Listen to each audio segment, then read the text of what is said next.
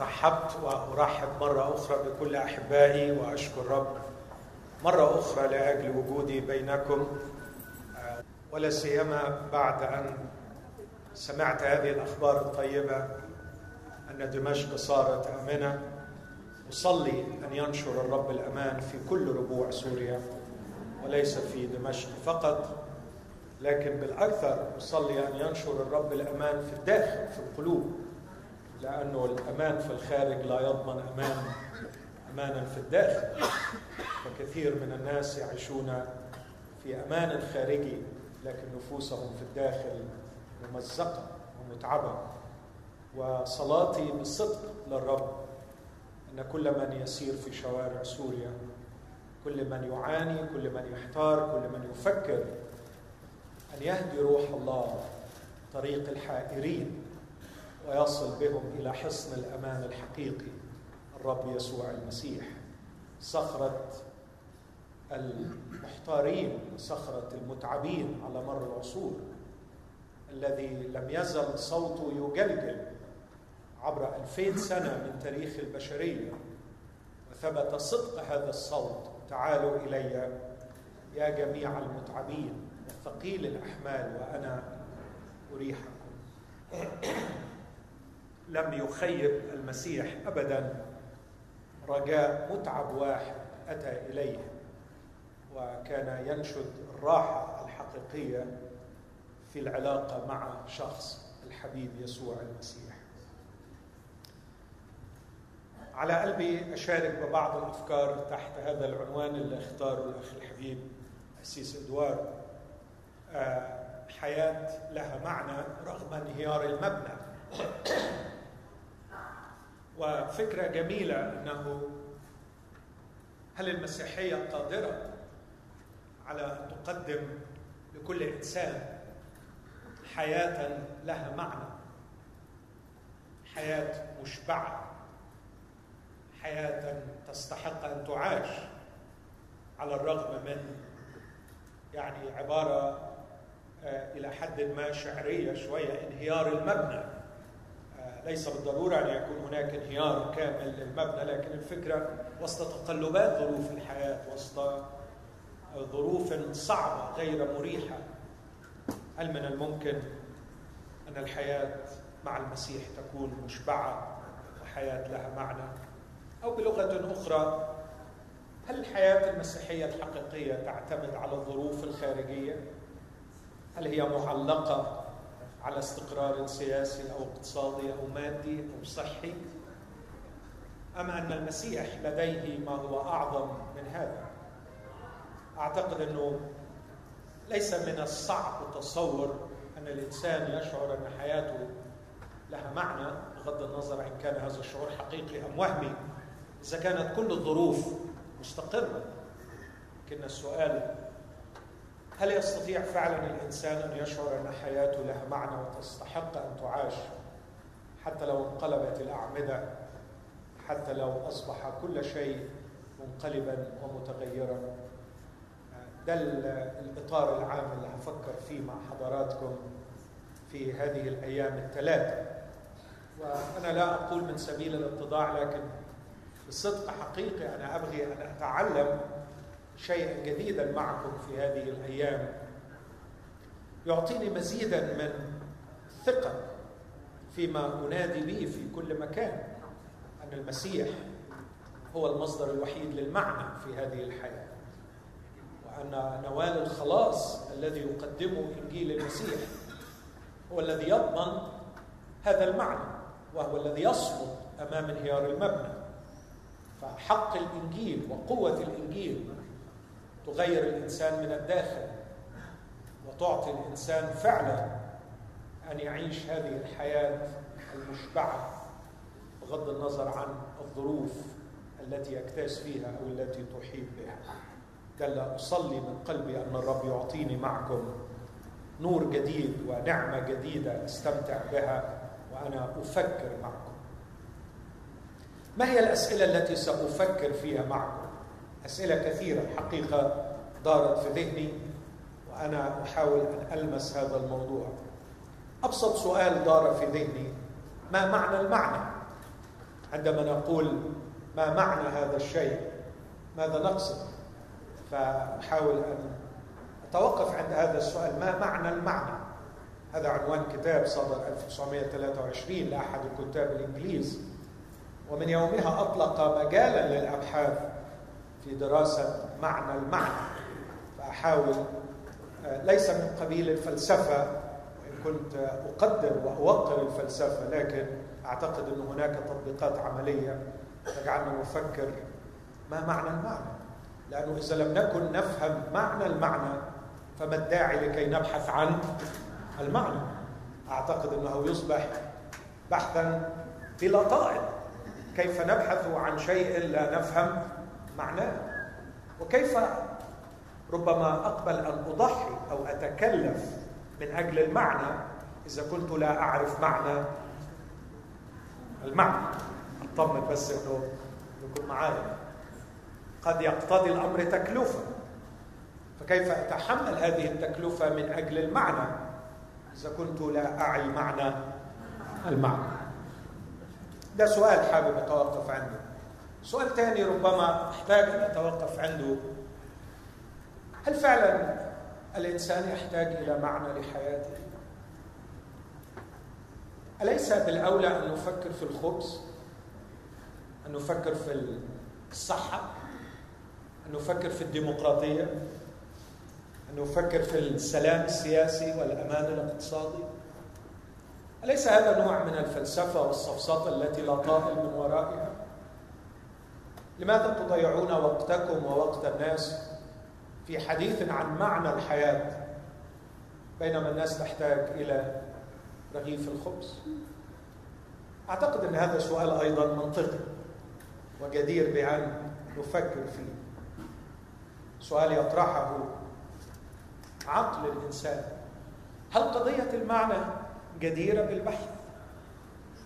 أليس من المهم أو الأفضل أن نقيم مدارس ومستشفيات ونحاول أن ننقذ الناس من الألم والقهر والظلم السياسي والمادي بدلا من أن نتكلم عن معنى الحياة. تالي سؤال مشروع وضروري أن إحنا نفكر فيه. سؤال آخر ربما أحتاج أن أتوقف عنده. كيف نجد هذا المعنى؟ سؤال آخر ما هي عوائق إيجاد هذا المعنى؟ سؤال ربما أيضا أخير ما هي علامات وسمات إنسان يعيش حياة لها معنى؟ كل دي أسئلة ما أعرفش أقف عند كم واحد فيهم الوقت هيديني قد إيه لكن ده الإطار اللي بحاول إني أفكر فيه معكم. خلوني أبدأ بقراءة جزئين من كلمة الله. أتوقف عندهم وقفة صغيرة جدا كنوع من آه تمتع بالكلمة المقدسة وبعدين أنتقل إلى آه سؤال أو أكثر من الأسئلة التي طرحتها. أنا متعود أني لما أقرأ كلمة الله لكن ده تبع يعني حسب راحتكم لكن زي ما ذكرت هذا تقليد كنسي قديم. أقدره وأحبه ونحن مع أي تقليد طالما أنه صحيح. لسنا ضد التقليد. لكننا نفترض فقط أن يكون التقليد تقليدا صحيحا. في سفر الأمثال والأصحاح الأول يكتب الحكيم بلغة شعرية. وفي الشعر تجوز المبالغة. في الشعر صور. واستعارات فأرجو أن نضع هذا في أذهاننا ونحن نقرأ هذا الشعر المكتوب وكتبه كاتبه مسوقا من الروح القدس ليوصل لنا حقائق روحية عظيمة. في سفر الأمثال أصح واحد وابتداء من العدد عشرين يقول الشاعر والحكيم الحكمة تنادي في الخارج في الشوارع تعطي صوتها تدعو في رؤوس الأسواق في مداخل الأبواب. في المدينة تبدي كلامها قائلة. إلى متى أيها الجهال تحبون الجهل؟ والمستهزئون إلى متى أيها المستهزئون يسرون بالاستهزاء والحمقى يبغضون العلم؟ ارجعوا عند توبيخي ها أنا ذا. ها أنا ذا أفيض لكم روحي. أعلمكم كلماتي. جميلة هذه العبارة تنادي بها الحكمة. ارجعوا عند توبيخي. ها أنا ذا أفيض لكم روحي. مش قادر أمنع نفسي من أن أصلي معكم يا رب. فض بروحك لي. أعطني روحك روح الحكمة. أفيض لكم روحي أعلمكم كلماتي. ثم تقول الحكمة بلغة شعرية لأني دعوت فأبيت ومددت يدي وليس من يبالي بل بوعي بإرادة حرة بل رفضتم كل مشورتي ولم ترضوا توبيخي. فأنا أيضا أضحك عند بليتكم أشمت عند مجيء خوفكم. هذه لغة شعرية. إذا جاء خوفكم كعاصفة وأتت بليتكم كالزوبعة إذا جاءت عليكم شدة وضيق حينئذ يدعونني فلا أستجيب. يبكرون إلي فلا يجدونني لأنهم أبغضوا العلم ولم يختاروا مخافة الرب. لم يرضوا مشورتي رذلوا كل توبيخي فلذلك يأكلون من ثمر طريقهم ويشبعون من مؤامراتهم لأن ارتداد الحمقى يقتلهم وراحة الجهال تبيدهم. ارتداد الحمقى يقتلهم وراحة الجهال تبيدهم. أما المستمع لي فيسكن آمنا ويستريح من خوف الشر. والجزء الثاني أقرأ من كلمات الرب يسوع المسيح في إنجيل لوقا الأصحاح الرابع. الإنجيل بحسب لوقا والأصحاح الرابع. وقف يسوع في مجمع الناصرة ابتداء من العدد الرابع عشر. ورجع يسوع بقوة الروح إلى الجليل وخرج خبر عنه في جميع الكورة المحيطة وكان يعلم في مجامعهم ممجدا من الجميع وجاء إلى الناصرة حيث كان قد تربى ودخل المجمع حسب عادته يوم السبت وقام ليقرأ فدفع إليه سفر إشعياء النبي. ولما فتح السفر وجد الموضع الذي كان مكتوبا فيه. روح الرب علي لأنه مسحني لأبشر المساكين أرسلني لأشفي المنكسر القلوب لأنادي للمأسورين بالإطلاق وللعمي بالبصر وأرسل المنسحقين في الحرية واكرز بسنه الرب المقبوله ثم طوى السفر وسلمه إلى الخادم وجلس. وجميع الذين في المجمع كانت عيونهم شاخصة إليه فابتدأ يقول لهم إنه اليوم قد تم هذا المكتوب في مسامعكم. آمين. هذه هي كلمة الرب. تفضل.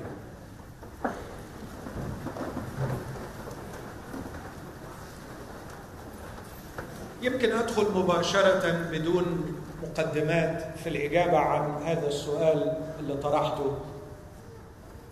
أليس من الأقدر بنا أن نبحث عن رفاهية الناس أو حتى عن إشباع احتياجاتهم المادية؟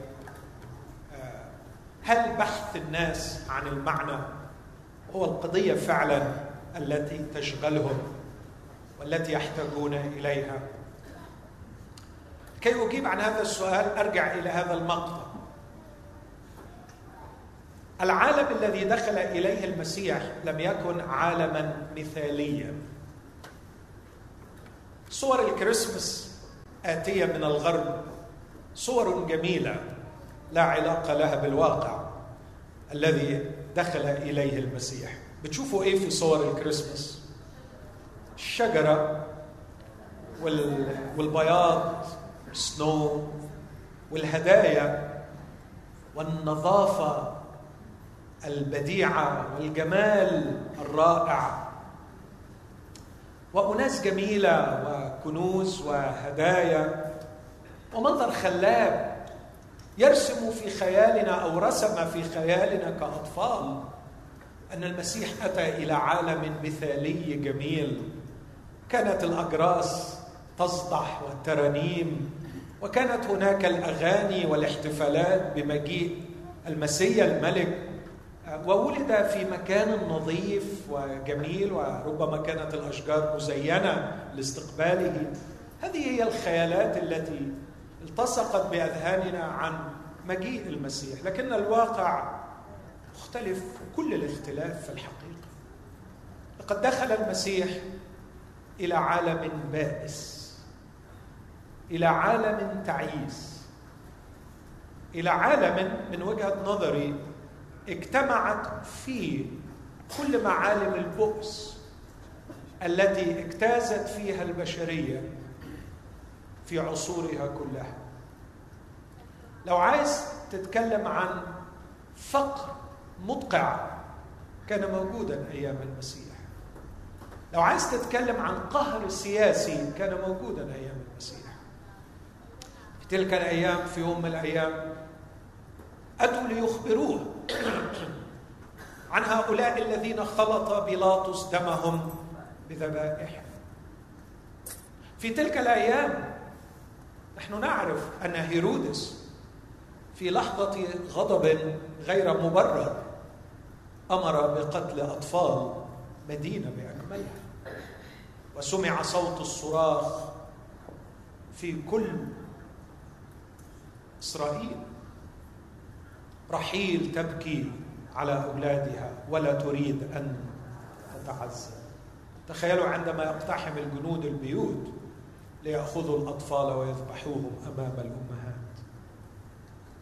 في تلك الأيام كانت هناك كوارث طبيعية. في يوم من الأيام أخبروه عن هذا البرج الذي سقط في سلوان وقتل عددا كبيرا. من تلك الأيام كان يخرج الناس بعشرات الآلاف وراء المسيح طمعا في وجبة واحدة.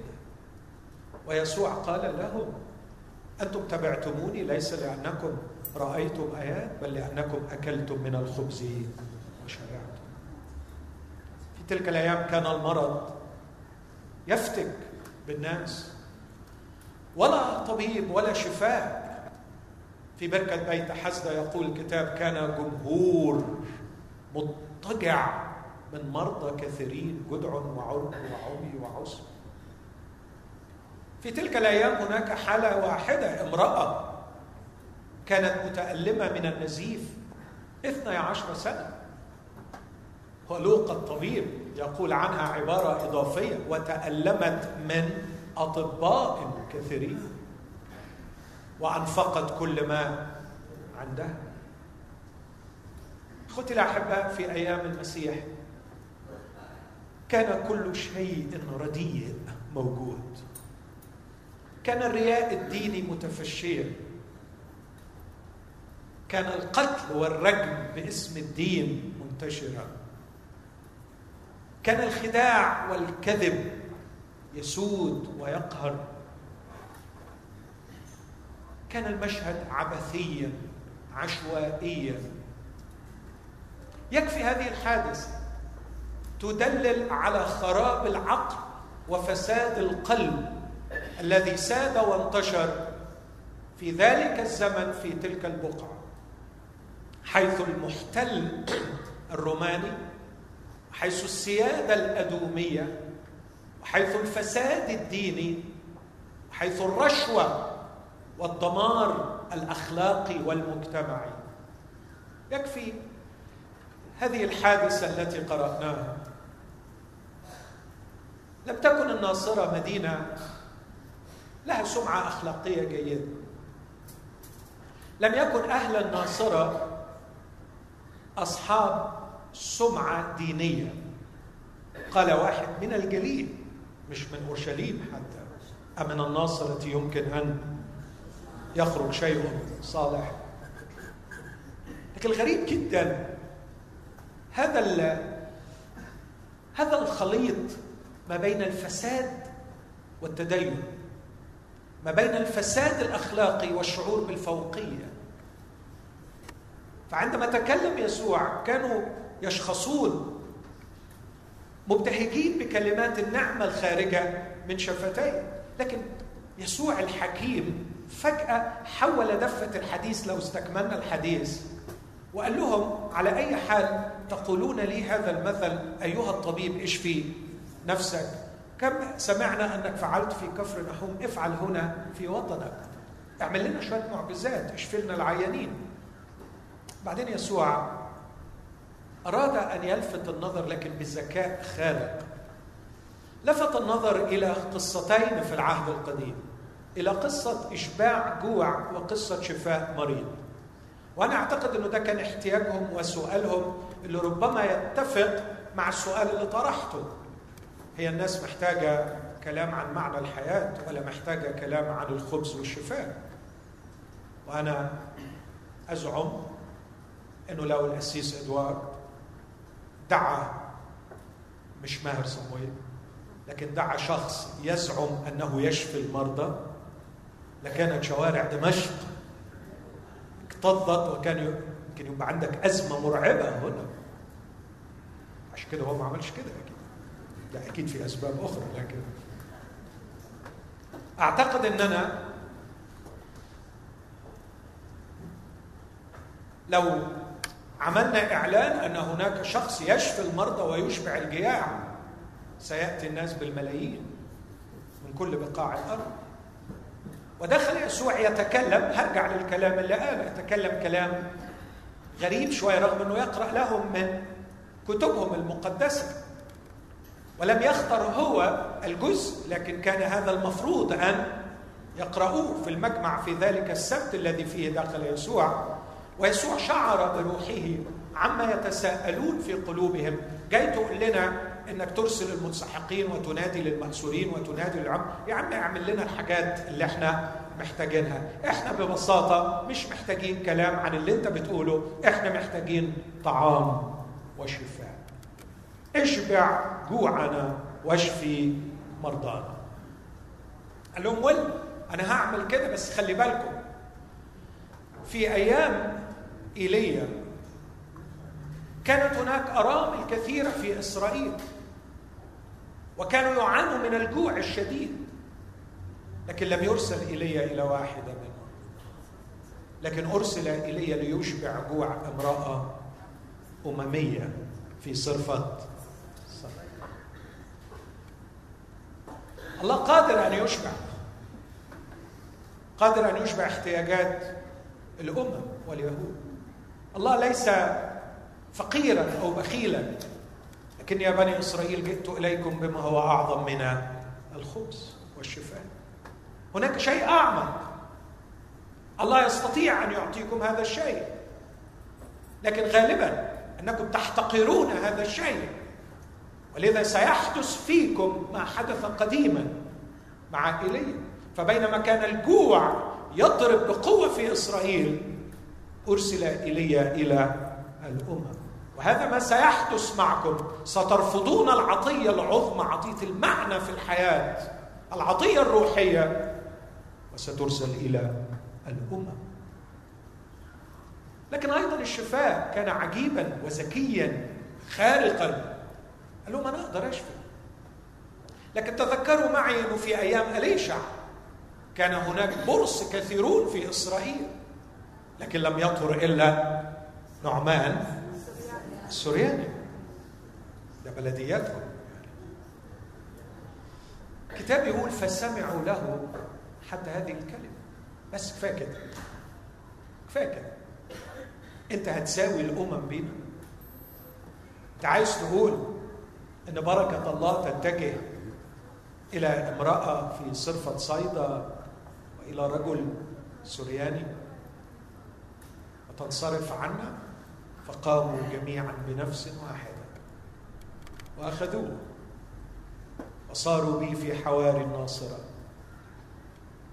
وكم احتاج إلى الخيال الخلاق كي أتخيل كيف كانوا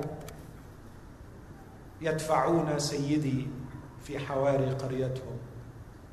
كيف كانوا يضربونه يخبطونه في الحوائط وهم يجرجرونه حتى وصلوا إلى ما يسمى جبل القفزة إلى حافة الجبل الذي كانت مدينتهم مبنية عليه وأرادوا أن يطرحوه بغضب بشر بعنف. قد كانوا جياع ومرضى لكن كانوا فاسدين في الداخل في شعور أحمق بالفوقية الدينية. يغضبوا لمجرد أن يسمعوا أن نعمة الله تتجه إلى الأمم وتصل إلى البعيدين.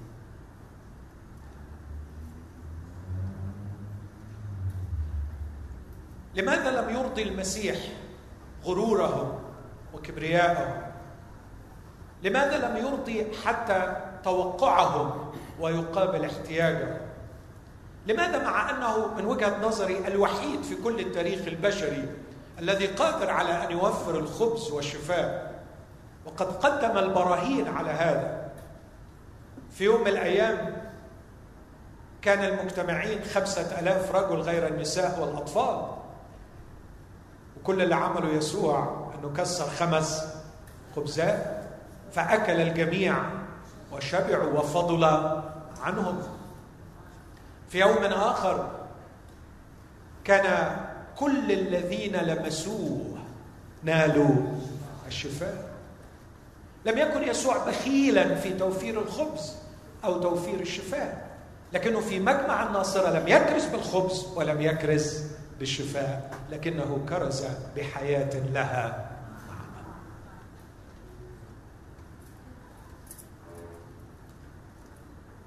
كنت متخوف وبقول يعني قد يظن البعض أن الكرازه بحياة لها معنى ترضي العقول المتفلسفة. لكن تذكرت أن المسيح كرز في مجمع الناصرة بحياة لها معنى. قدم حياة تستحق أن تعاش. ومن وجهة نظر المسيح كان هذه هي الاحتياجات عند الناس. قال روح الرب علي ليس لأشبع الجوع أو اشفي المرضى. لكن روح الرب علي لأنه مسحني لأبشر المساكين. المساكين محتاجين جوع محتاجين إشباع جوع قال لا أنا ما أقصدش المساكين حرفيا لكن زي ما طوبهم في متى خمسة طوبى للمساكين بالروح. من هو المسكين بالروح؟ الكلمة اليونانية تخص تعني شحات. شحات. معدم لا يستطيع حتى أن يوفر لنفسه قوته. وكان الرب يقصد بالمقابلة مع هؤلاء الفريسيين مع هؤلاء المتدينين الذين لا يشعرون قط بالمسكنة لكن مملوئين بالشعور الزائف بالغنى الروحي. كانوا يشعروا بأنهم أبر من غيرهم.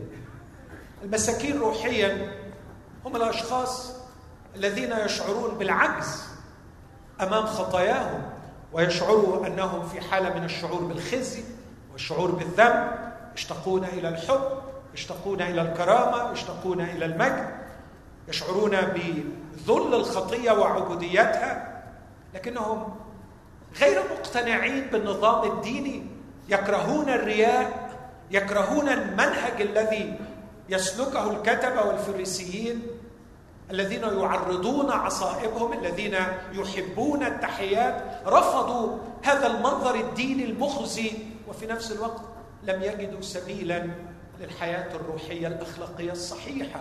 يشعرون بفقرهم يشعرون بأنهم مساكين لأنهم غير قادرين على أن يبرروا أنفسهم. وكأنهم صاروا في حالة من الفقر المدقع ينتظرون شخصا يبررهم. لأنهم عجزوا عن تبرير أنفسهم. أعتقد يمثلهم وينوب عنهم بشكل بديع هذا المسكين بالروح الذي صعد إلى الهيكل فوقف من بعيد لم يشأ أن يرفع عينيه إلى السماء قرع على صدره قال اللهم ارحمني أنا خاطئ. كلمة ارحمني يمكن أن تترجم كفر عني. غطيني. ولو خدت الكلمتين ألاقي فيها معنى المسكين بالروح. كفر عني لأني لا أملك أن أقدم كفارة عن نفسي. غطيني لأني أشعر بالخجل والعري ولا أملك أن أستر نفسي. استرني. كان الفريسي يقول ولست مثل هذا العشار. وأعتقد أن العشار كان يقول أنا لا أملك ما يملكه هذا. الفريسي. أنا مسكين.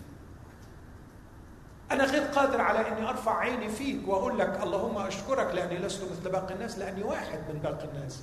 لأني أخطأت وعوجت المستقيم لأني فعلت الشر. أنا ما أقدرش أقول زي الراجل ده لست مثل باقي الناس الزنات الخاطفين. أنا زنيت وأنا خطفت. وغير قادر على التكفير عن خطاياي. ولا أجد سبيلا للتكفير ولا حتى أستطيع أن أسلك منهج هؤلاء الفريسيين المتدينين. أنا كأنه بنقول يعني في عرضك استرني كفر عني غطيني فأنا غير قادر على ستر نفسي. أعتقد هؤلاء المساكين تمثلهم. هذه المرأة التي تكلمت عنها كثيرا في مرات سابقة وقلت فعلا إني أنتخبها لتمثلنا. أراها أروع نائب ممثل للجنس البشري. تلك المرأة التي اقتحمت بيت سمعان الفريسي وجاءت من وراء يسوع باكيه وكانت تغسل قدميه بدموعها. وتغطيهم بقبلاتها وتمسحهم بشعر رأسها ثم تدهنهم بالطيب. إخوتي هذه المرأة عظيمة في نظري وفعلا كم أشتهي في السماء أن أتعرف عليها. كم أشتهي أن أقف أمامها احتراما وأقول لها أشتاق إلى درهم من قنطار شجاعتك. من قنطار شجاعتك. كنت نبيله عظيمه عندما لم تأبهي بنظرات الناس واحتقارهم. كنت عظيمة عندما لم تضعي أي اعتبار لعقائد بالية وتقاليد مجتمعية خاوية. لم تنفع أصحابها قط. حطمت كل القيم الاجتماعية السائدة.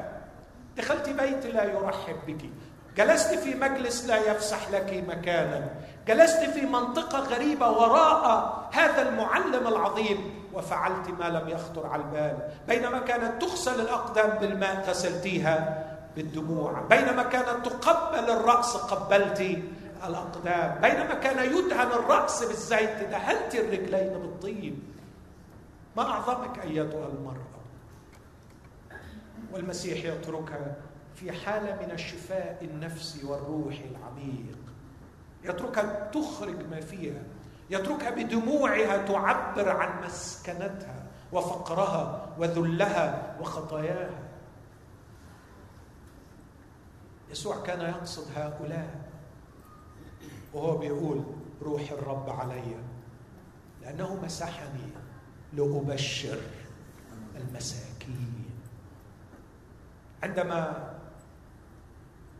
ينزل الخاطي العشار إلى بيته مبررا دون ذاك. وعندما تخرج المرأة من بيت الفريسي وقد سمعت أروع قرار مغفورة لك خطاياك. هنا معنى الحياة. هنا معنى الحياة. عندما أعيش حياة مستريحة الضمير عندما أعيش حياة مستريحة الضمير من شعور قاتل بالذنب أنام وأصحو به. يحطمني من الداخل يملأني كل يوم بمشاعر الاحتقار لنفسي يملأني كل يوم بمشاعر الخوف من مستقبلي يملأني كل يوم بالخوف من مقابلة إلهي. كيف أصعد إلى الله؟ كيف أقابله؟ وأنا خاطي مشاعر الذنب المدمرة التي لا يمكن أن تفلت ضحيتها من الكآبة والخزي والعار. عندما أتخلص منها بالسماع قرار من أعلى سلطة في الوجود مغفورة لك خطاياك. ساعتها الحياة يبقى ليها والعجيب أن هذا الرجل جميل يسوع المسيح. فعلا جميل. قول جميل يسوع المسيح. أنا أحبه. مش بس لأنه أحبني لكن أنا شخصيا دايما بقول بحبه لأنه يعني أفخر به كقائد فكري. أفخر بعقله بكلامه. أحبه أعشقه كفيلسوف كقائد كمفكر.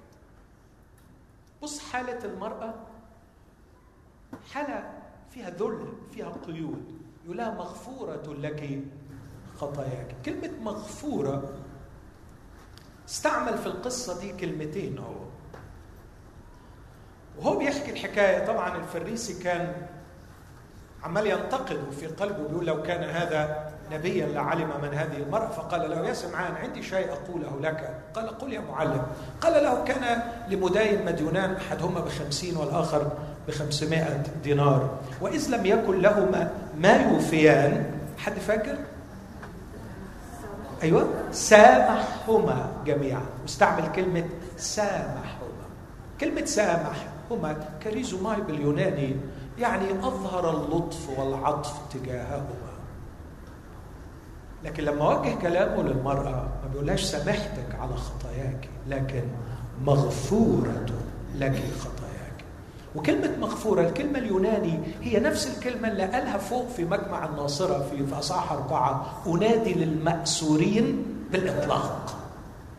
أنادي للمأسورين بالإطلاق. وكأنه يقول للمرأة عشت يا مسكينة مقيدة بأثقال كثيرة ها أنا أحلك ها أنا أحلك من أثقالك. اطرحي ثقلك اطرحي ثقلك. لا تعودي إلى بيتك مثقلة بمشاعر الخزي والعار بمشاعر الذنب التي أثقلتك. فأنا صاحب السلطة العليا في هذا الكون. أصدر لك القرار بالغفران. مغفورة لك خطاياك. اذهبي بسلام. إيمانك قد خلصك اذهبي بسلام. عندما ينادي يسوع للمأسورين بالإطلاق أن يعطي الإنسان إطلاقا وحرية من مشاعر الخزي والعار والذنب ويستمتع الإنسان بغفران الله يكون مهيئا لسماع أروع كلمة. اذهبي بالسلام علق واحد على اذهبي بالسلام اقتبسها منه.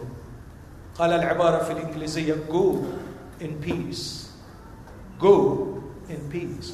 وما قالش go to where go to anywhere. اذهبي بالسلام ولم يقل لها اذهبي إلى أين? اذهبي إلى أي مكان سيصحبك السلام. اذهبي إلى فراش المرض وأنت مغفورة الخطايا ستكوني مملوءه بالسلام. اذهبي وراء أسوار السجن وأنت مغفورة الخطايا ستكوني مملوءه بالسلام. اذهبي إلى الضيق المادي إلى الضيق الصحي اذهبي إلى حيث تريدي. وأنت مغفورة الخطايا سيكون لديك السلام هذا هو الإطلاق هذه الحياة التي لها معنى.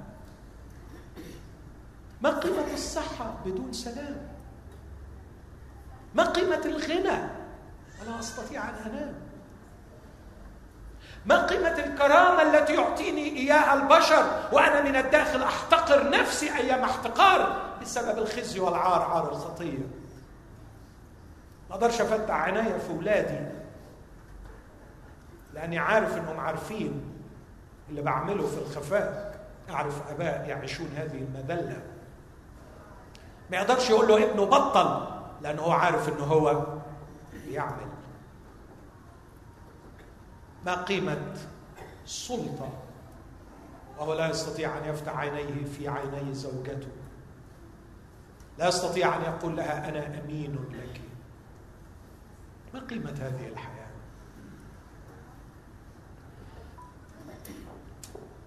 رائع يسوع عندما يختار هذه اللفظة مغفورة لك خطاياك لامرأة كانت تبلل أو تغسل كما هو قال. رجليه بدموعها.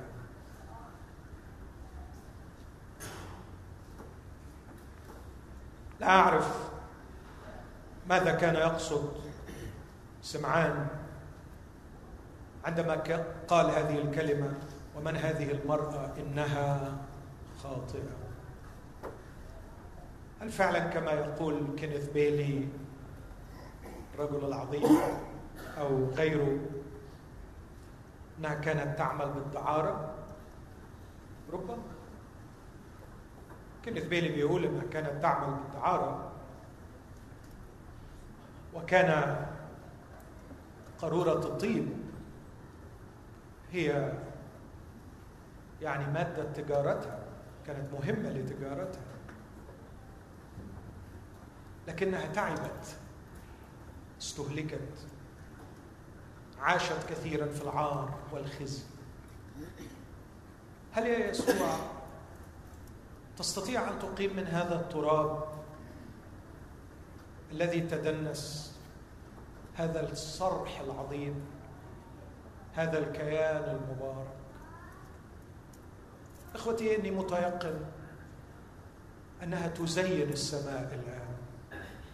إذا تخيلت السماء مملوءة بالقديسين الذين يغنون ويبتهجون. أراها تطير كالفراشه هناك تحلق فرحانه بيسوع. أراها تشعر بالفخر والفرح ربما أكثر من إبراهيم وإسحاق ويعقوب. أراها تشعر بعظمة النعمة التي لم يشعر بها ربما موسى وايليا أراها تجري هنا وهناك في أرجاء السماء. تخبر كل شخص بفخر.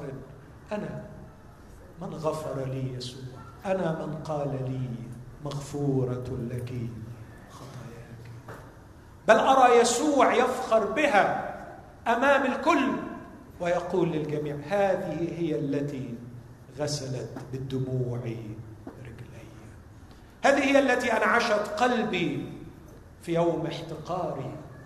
يوم كنت محتقر ومخذول ورجل أوجاع يوم كنت مهان الأمة مهان النفس ومكروه الأمة من إسرائيل دخلت هذه المرأة لتطيب قلبي لا بقبلة على رأسي لكن لم تكف عن تقبيل رجلي.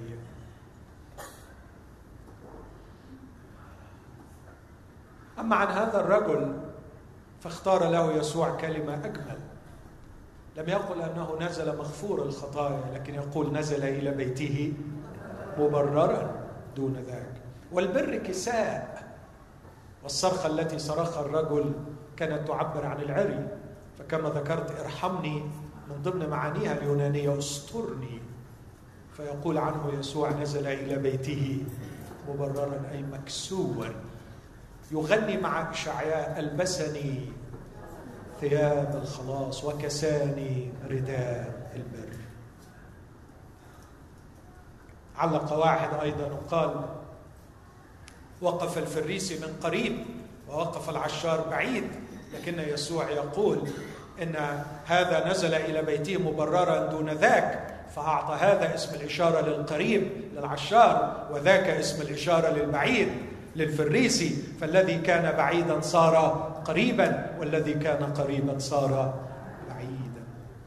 هذا ما فعله المسيح عندما بشر المساكين. روح الرب علي لأنه مسحني لأبشر المساكين.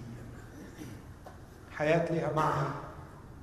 عندما يبشر المسكين مسكين بسبب فقره بسبب شعوره بأنه غير قادر على الخلاص من خطاياه وغير قادر على تبرير نفسه ثم يحصل على الغفران والتبرير.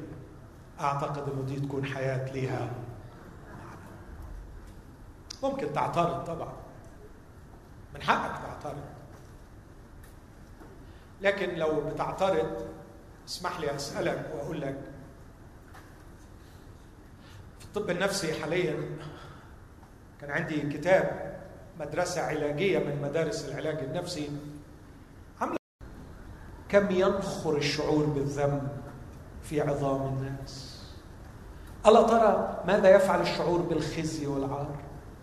بلاش كده يا صديقي. الا ترى حجم الإنفاق الديني في بلدك؟ بلدي الحبيب مصر بلد فقير. لكن كل سنة ينفق الناس مليارات مليارات على بعض الأشياء واللي بينفقوا المليارات دول أفقر الفقراء بيبيع اللي وراه واللي قدامه لكي يغفر له. ألا ترى الإنفاق الديني؟ ألا ترى الصراع والألم في طريق البحث عن راحة للضمير وعن الخلاص من الشعور بالخزي؟ أكيد أي حد من حقه يعترض لكن أتمنى أن يكون هناك شيء من الأمانة العقلية ما يسمى intellectual honesty أن أن يراجع نفسه ويراجع الواقع. الخطية حقيقة الشعور بالذنب حقيقة الشعور بالخزي والعار حقيقة. وهي تحطم حياة الناس واحتياج الناس للشفاء من هذه المشاعر ومن هذا الوضع المزري لا يقل عن احتياجهم للشفاء من السرطان. ولا يقل عن احتياجهم للخبز والماء والدواء.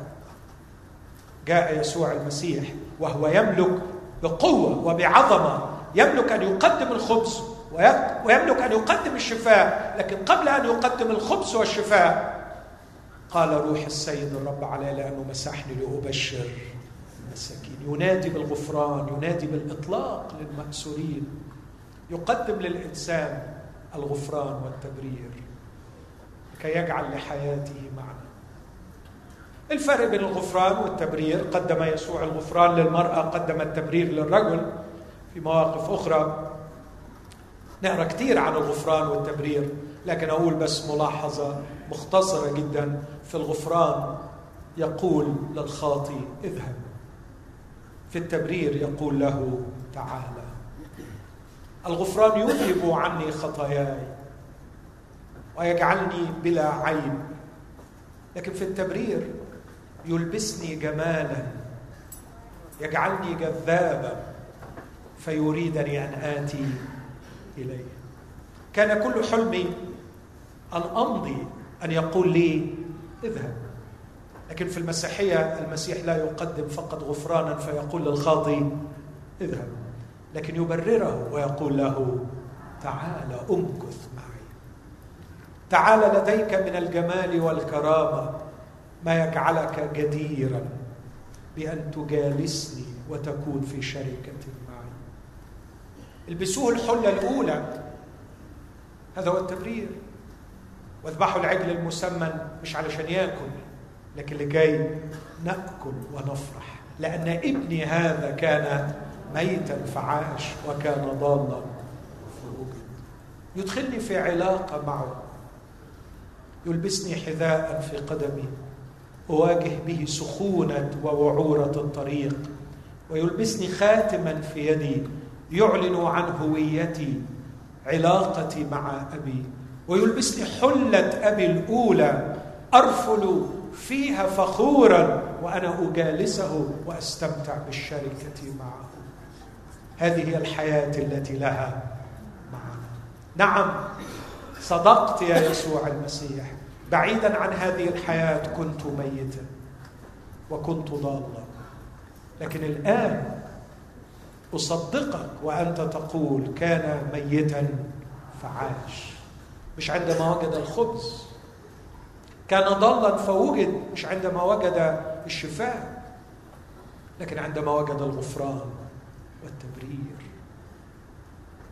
عندما يخلصني من ذنبي ومن خطيتي ويرفع قدري ويعطيني خليني بس أعلق على دي تعليق صغير يعطيني هويتي يعطيني هويتي ابقى عارف أنا مين؟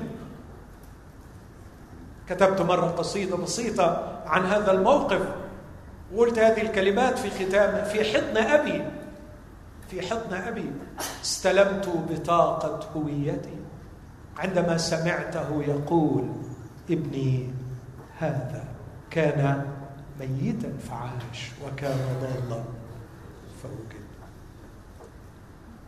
مؤلف مصري من وجهة نظري يعني عبقري في هذا الفيلم عمل فيلم اسمه الشيخ جاكسون. يتكلم فيه عن شاب مصري يعاني من أزمة هوية حادة تمزقه يعني قوتين قوة رغبته في أن يتوحد مع مايكل جاكسون وفي نفس الوقت قوة رغبته في أن يتخلص من الشعور بالذنب. فكان يعيش ممزق والفيلم كله يدور حول هذا التمزق الرهيب في نفسية هذا الشاب. كان يختلي أحيانا ويرقص رقصات مايكل جاكسون. وأحيانا أخرى تنتابه الكوابيس من عذاب القبر. كان يرتدي ساعة يلبس ساعة سماها ساعة الذنوب فيها زرار أحمر وزرار أخضر. كلما يرتكب ذنبا يدوس على الزرار الأحمر. كل ما يفعل حسنة يدوس على الزرار الأخضر. وعلى آخر اليوم يراجع حسابه. قد عليه وقد ليه وغالبا كان دايما المسكين بيطلع عليه.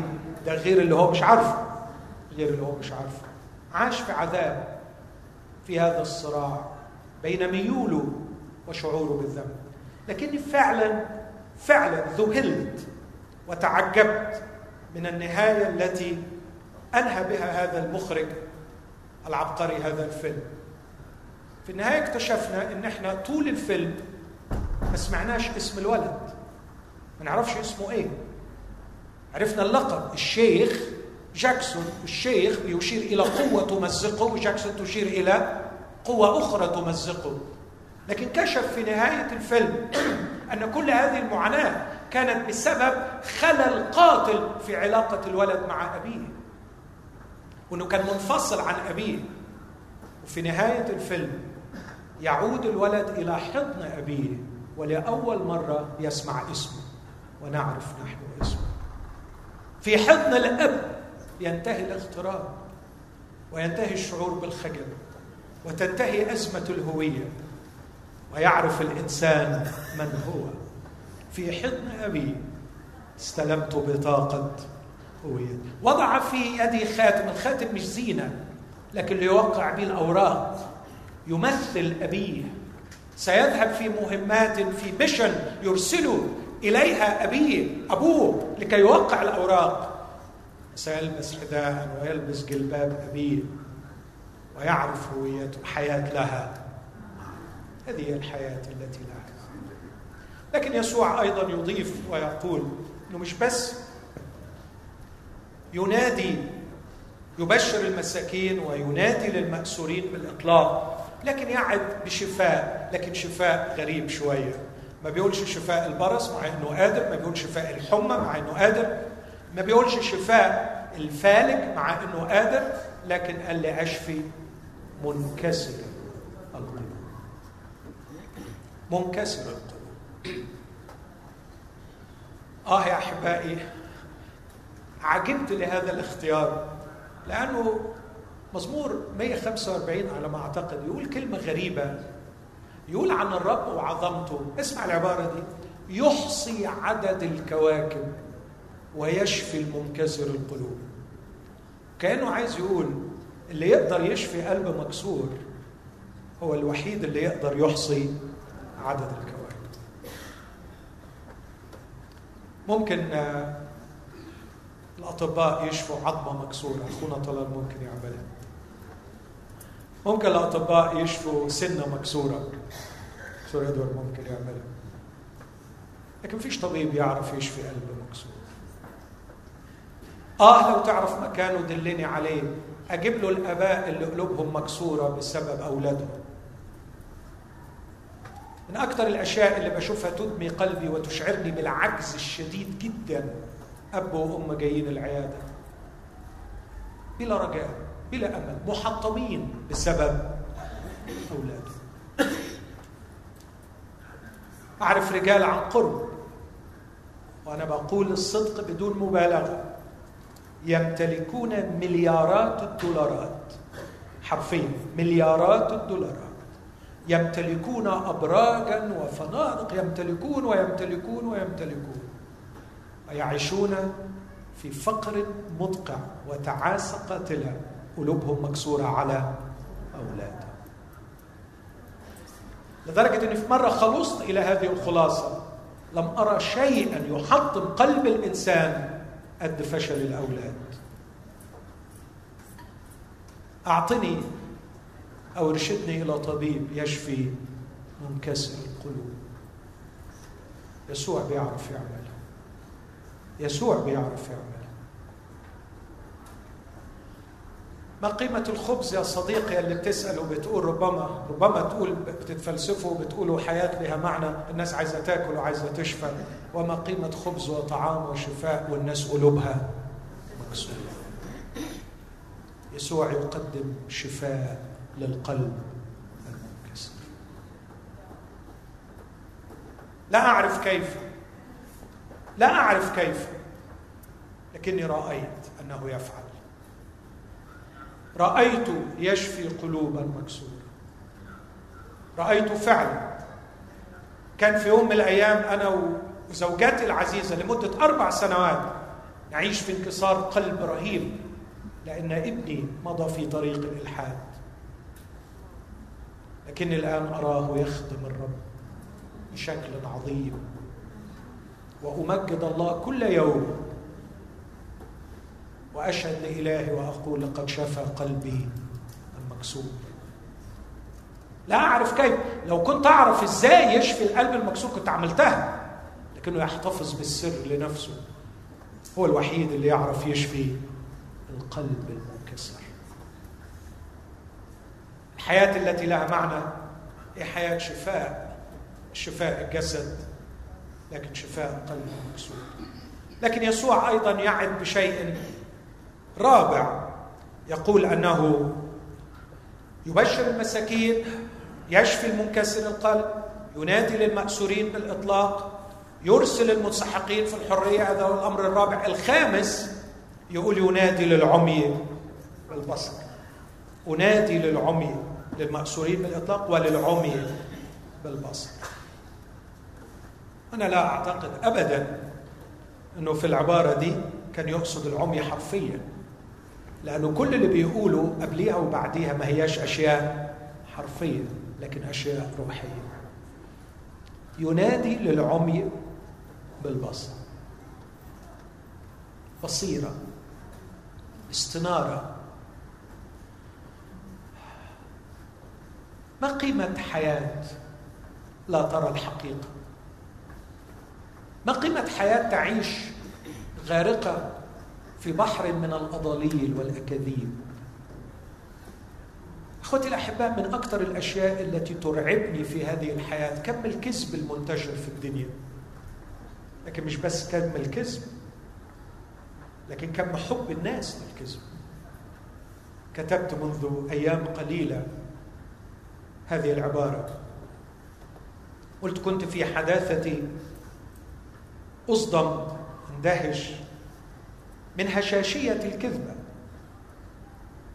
من سهولة انتشارها وسرعة تصديق الناس لها رغم هشاشياتها وضعفها. لكني أدركت في النهاية أن المشكلة ليست في الكذبة وقوتها ولا في الكذاب الذي كذبها لكن في حجم الزيف الموجود داخلنا الذي يخلق فينا نهما لابتلاع الأكاذيب. أتاري المشكلة مش في الكذبة ولا في الكذاب لكن المشكلة في عمى داخلي في داخلنا بداخلنا مساحات خطيرة من الزيف من الكذب محتاجة شفاء. ولما تشفى العينين تنور وترى الكذبة على حقيقتها. أختم بهذه القصة المعروفة التي حدثت على بعد أمتار من هذا المكان أو مئات الأمتار. عندما جاء هذا البطل المغوار شاول الطرسوسي زعيم المقاومة ضد يسوع المسيح هذا الرجل الذي شعر إنه عليه مهمة أن يحطم هذا الدين الجديد أن يلغي المسيحية من على وجه الأرض. فكان في كل مكان يذهب ويسوقهم موثقين يريد يقول ارتأيت أن أفعل أشياء كثيرة مضادة لاسم يسوع الناصري. وبعدين وهو جاي إلى دمشق على الطريق أبرق حوله نور. نور عجيب. يعمل بصر ويفتح البصيرة. يعمل بصر ويفتح البصيرة. فعمي فعلا. وأنا أعتقد إن دي كانت مرحلة مهمة. أن يدرك أنه أعمى. وربما كان وصل إلى مرحلة من التكلس يحتاج فيها أن يكون أعمى حرفيا لكي يدرك عماه الروحي والأخلاقي. وبعد ما عمي حرفيا اقتدوه من يده ثلاث أيام شاول الطرسوسي أعمى خبرة مرعبة من الناحية النفسية. وصراع داخلي صراع داخلي في داخله. إيه اللي أنا كنت بهببه ده. إيه اللي أنا معقول؟ بيقول لي صعب عليك أن ترفس. مناخ أنا كنت طول الوقت عمال أرفس. أصوات فعلا كانت بتنخصني من جوة وأنا كنت بقاوم. إيه العمل اللي أنا كنت فيه ده؟ معقول طلع ربنا؟ طلع ربنا؟ وهو الدليل إنه عماني. قد رأيت النور. عشان كده يشهد يقول لم أكن معاندا منذ ذلك الوقت للرؤيا. أنا شفت النور بعناية أنا سمعت الصوت بوداني. أنا شفت الشخص.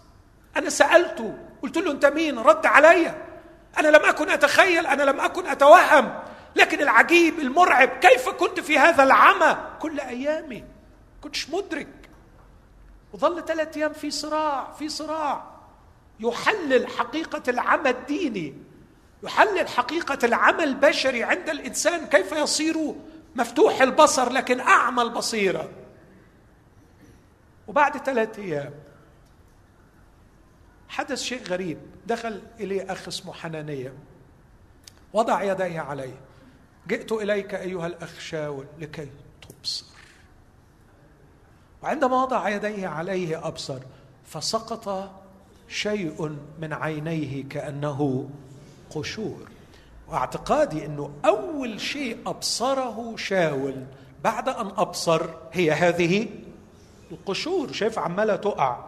واعتقادي أيضا وهذا يعني مجرد اعتقاد ممكن يكون خاطئ إنه كان طول الوقت يقول له هو إيه اللي أنا كنت بعمله؟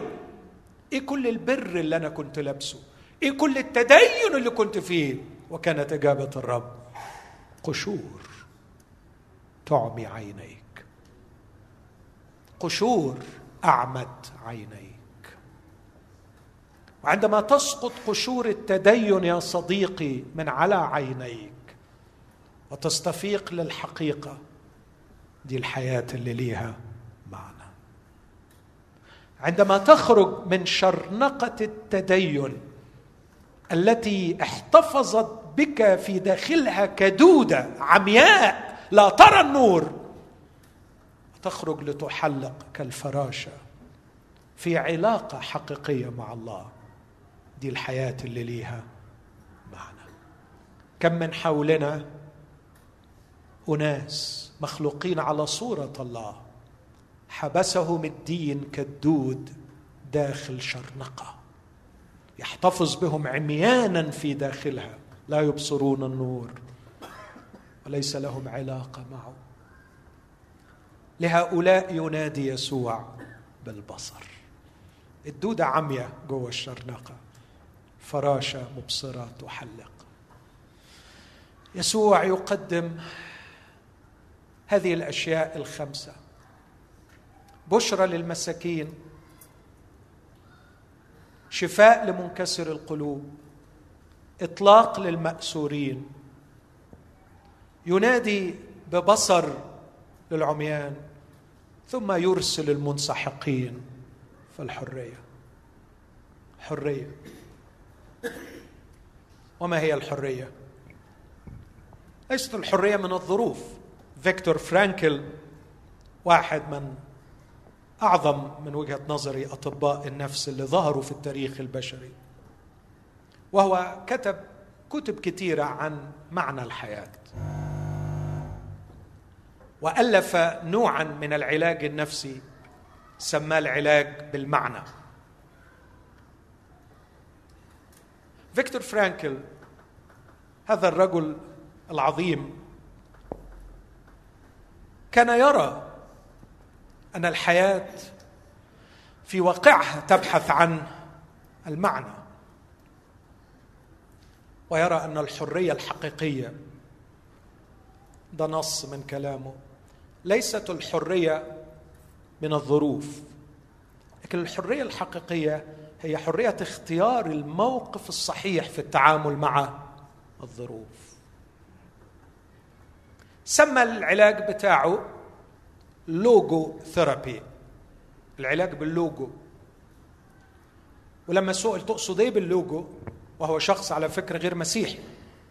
قال أقصد اللوجوس؟ تقصد إيه باللوجوس؟ اللوجوس ده إحنا عارفين إنه هو في المسيحية الكلمة. قال أقصد المفهوم الثقافي اليهودي؟ آه عفوا اليوناني. لأن اليونان كانوا يروا أن الحياة فوضى. في مفردات كثيرة عشوائية. لكن ما يجعل ال diversity in unity ما يجعل هذه الاختلافات الكثيرة تكون كونا واحدا متماسكا هو حلول شيء غير مرئي فيها اسمه اللوجوس. ده كان فكر اليونانيين. وعشان كده سموا الكون universe universe يعني حاجات مختلفة لكنها تصنع كونا واحدا. وهو بيقول إنه المعنى في حياة الإنسان هو اللوجوس في الكون. المعنى إن يكون في شيء بيربط كل أحداث الحياة معا فيجعل أحداث حياة الإنسان في النهاية قصة لها معنى فعلا لو بتحب قراءة القصص فكر في الحقيقة دي ودي يمكن أتوقف عندها. بكرة وبعده. القصة فيها مئات المواقف صح؟ مئات المواقف. ويخليها في النهاية قصة ليها معنى. طبقا لكلامه اللي يعمل كده هو اللوجوس. اللوجوس عنده فكرة. اللوجوس عندنا شخص. في البدء كان الكلمة والكلمة كان عند الله وكان الكلمة الله بس في خبر أروع والكلمة صار بشرا أو جسدا وحل بيننا. ومستعد يحل في حياتك وفي حياتك. وعندما يدخل اللوجوس إلى عشوائية أحداث حياتك يجمعها بطريقة تفوق الخيال معا ويجعلها في النهاية قصة لها معنى. والسؤال اليوم هل تشعر بأنك جمع من أحداث عشوائية ومجموعة من الذكريات على المواقف التي لا ترى رابط بينها ويؤلمك أنك تعيش وسط هذه الفوضى دون أن تفهم بدايتها أو نهايتها. إذا كنت تشعر بهذا الشعور دعني أخبرك أروع خبر اللوجوس مستعد يحل في حياتك. ولما يحل هيربطهم ببعض. وهيخلي كل جزء في القصة ليه معنى. فيكم حد بيحب يقرأ القصص؟ أحكي لكم حكاية لطيفة واختم بيها. إحنا كنا وإحنا أطفال نحب القصص البوليسية جدا جدا. وأنا أعتقد إنه أكثر القصص تشويقا هي القصص البوليسية. ليه؟ توضح الفكرة اللي كنت بقولها من شوية. الكاتب المبدع كاتب القصص البوليسية دايما يحتفظ بالحل لغاية أحيانا مش آخر شابتر ولا آخر صفحة أحيانا آخر سطر. وأنت طول الوقت طول الوقت عمال تقرأ حاجات مش لاقي لها معنى. فتزداد الإثارة تزداد الإثارة تزداد الإثارة. وتدخل على الموقف اللي بعده تقول أيوه أهو يمكن هو ده هو ده المجرم. هو ده اللي عمل العملة السوداء دي. بس بعد شوية يحبطك تكتشف إنه مش هو. تقرا تاني موقف تاني. وتقول هو المرة دي أكيد هو. وبعدين تلاقي مش ويفضل معلقك معلقك معلقك لغاية في الآخر تبص تلاقي واو ده كل حاجة قريتها كانت ليها معنى دلوقتي بالعلاقة مع هذا المعنى الذي وضعه. كان أخويا الصغير مسكين مدمن قراءة قصص بوليسية. وكان لما يقرأ القصة يعيش فيها وتستحوذ عليه بشكل رهيب. وكان إحنا وإحنا صغيرين كان علينا كل واحد يعني مسؤولية في يوم ان هو اللي يشتري الحاجات من السوق لماما. فهو لما كان يجي دوره إنه يروح يشتري كان يمشي في الشارع فاتح القصة لأنه مش عايز يخل... مش عايز يسيبها في البيت فيفضل يقرأ في الشارع واحد بعجلة يخبطه واحد بحمارة يخبطه طول الوقت عمال يتخبط ويرجع بإصابات لأنه ماشي في الشارع بيقرأ. فكان يتعاقب لما يرجع لأنه مش قادر يصبر. بعدين بابا مرة قرر يعمل حاجة غريبة. قال أنا عايز أعرف الواد ده بيقرأ إيه؟ وليه متعلق بهذا الشكل وما بيرضاش يسمع الكلام ويسيبها؟ فدخل الأوضة بتاعته قعد يقرأ قصة بوليسيه كان الولد جايبها. وبعدين جه ميعاد الغداء. وأمي عمالة تنادي يا صمويل! يقول استنى يونا شوية استني شوية استني شوية. الأكل برد استني شوية. الأكل تلج. الاكل خلاص. بعدين أمي راحت فتحت الباب لقيت أبويا قاعد. طبعا يعني كانت في صدمة رهيبة. بس طلع بابا من الأوضة وأنا مش ناسي الكلمة يقول ليك حق يا ولدي ليك حق يا ولدي ليك حق يا ولدي. القصة مثيرة في حالة واحدة. إذا كان في داخلي يقين أنها في النهاية ستصنع لكن كانت تبقى كارثة لو كنت اضيع وقتي في القصة واكتشف في الآخر أنها خط فوضوي وجمع عشوائي لأحداث متناثرة انتهت دون أن يكون هناك كاتب يجمعها معا ويصنع لها معنى. الحياة التي لها معنى هي شوق عميق في داخل الإنسان الفقير والبسيط المتعلم وغير المتعلم. كلنا نحتاج للمعنى ولا معنى بعيد عن اللوجوس واللوجوس هو يسوع المسيح الكلمة الذي صار جسدا وحل بيننا ليصنع لحياتنا معنى أرجو أن نحني قلوبنا ورؤوسنا ونقضي دقائق في الصلاة. نعيد تقييم تجربتنا البشرية خبرتنا الإنسانية. خلونا في هذه اللحظات كل منا يفكر هل تمتع بالغفران؟ هل تمتع بالتبرير؟ هل نال البصيرة؟ هل نال العتق؟ هل نال الحرية؟ هذه هي الحياة التي لها معنى. هذا ما يقدمه يسوع المسيح. أرجوك لا تفكر الآن في الطعام في الشراب في المال في الجنس. لقد خست كثيرا من هذه الحياة وظلت الحياة بلا معنى. ركيكة فقيرة حقيرة. اطلب الآن يسوع المسيح. لا أدعوك أن تطلب عطاياه. اطلبه هو شخصيا. يحل فيك. يغفر. يبرر. يحرر. يشفي. يهب البصر ينير البصيرة. يجمع يجمع الظروف السيئة اللي مررت فيها ويربطها بخيط سري خفي مع ظروف أخرى ويجعل الكل معا له معنى. يقدر يضيف إضافات بسيطة لأحداث مؤلمة يجعل الحدث المؤلم يتحول إلى حدث عظيم. يخليك تقول لمن ظلمك أنتم قصدتم لي شرا والله قصد به خيرا. لاستبقاء حياة. أيها الرب الحبيب يسوع أسجد أمامك وأباركك أفتخر بك حبيبي وربي ومخلصي لأنك خلصتني وأعطيت لي حياتي معنا وإني أدعوك أيها الرب يسوع أن تقنع كل شخص أمامك الآن يسمعني. بأنك حي وقادر أن تصنع في حياته هذه المعجزة. أرجو يا رب بأسلوبك أنت أن تقنع كل متردد ومتشكك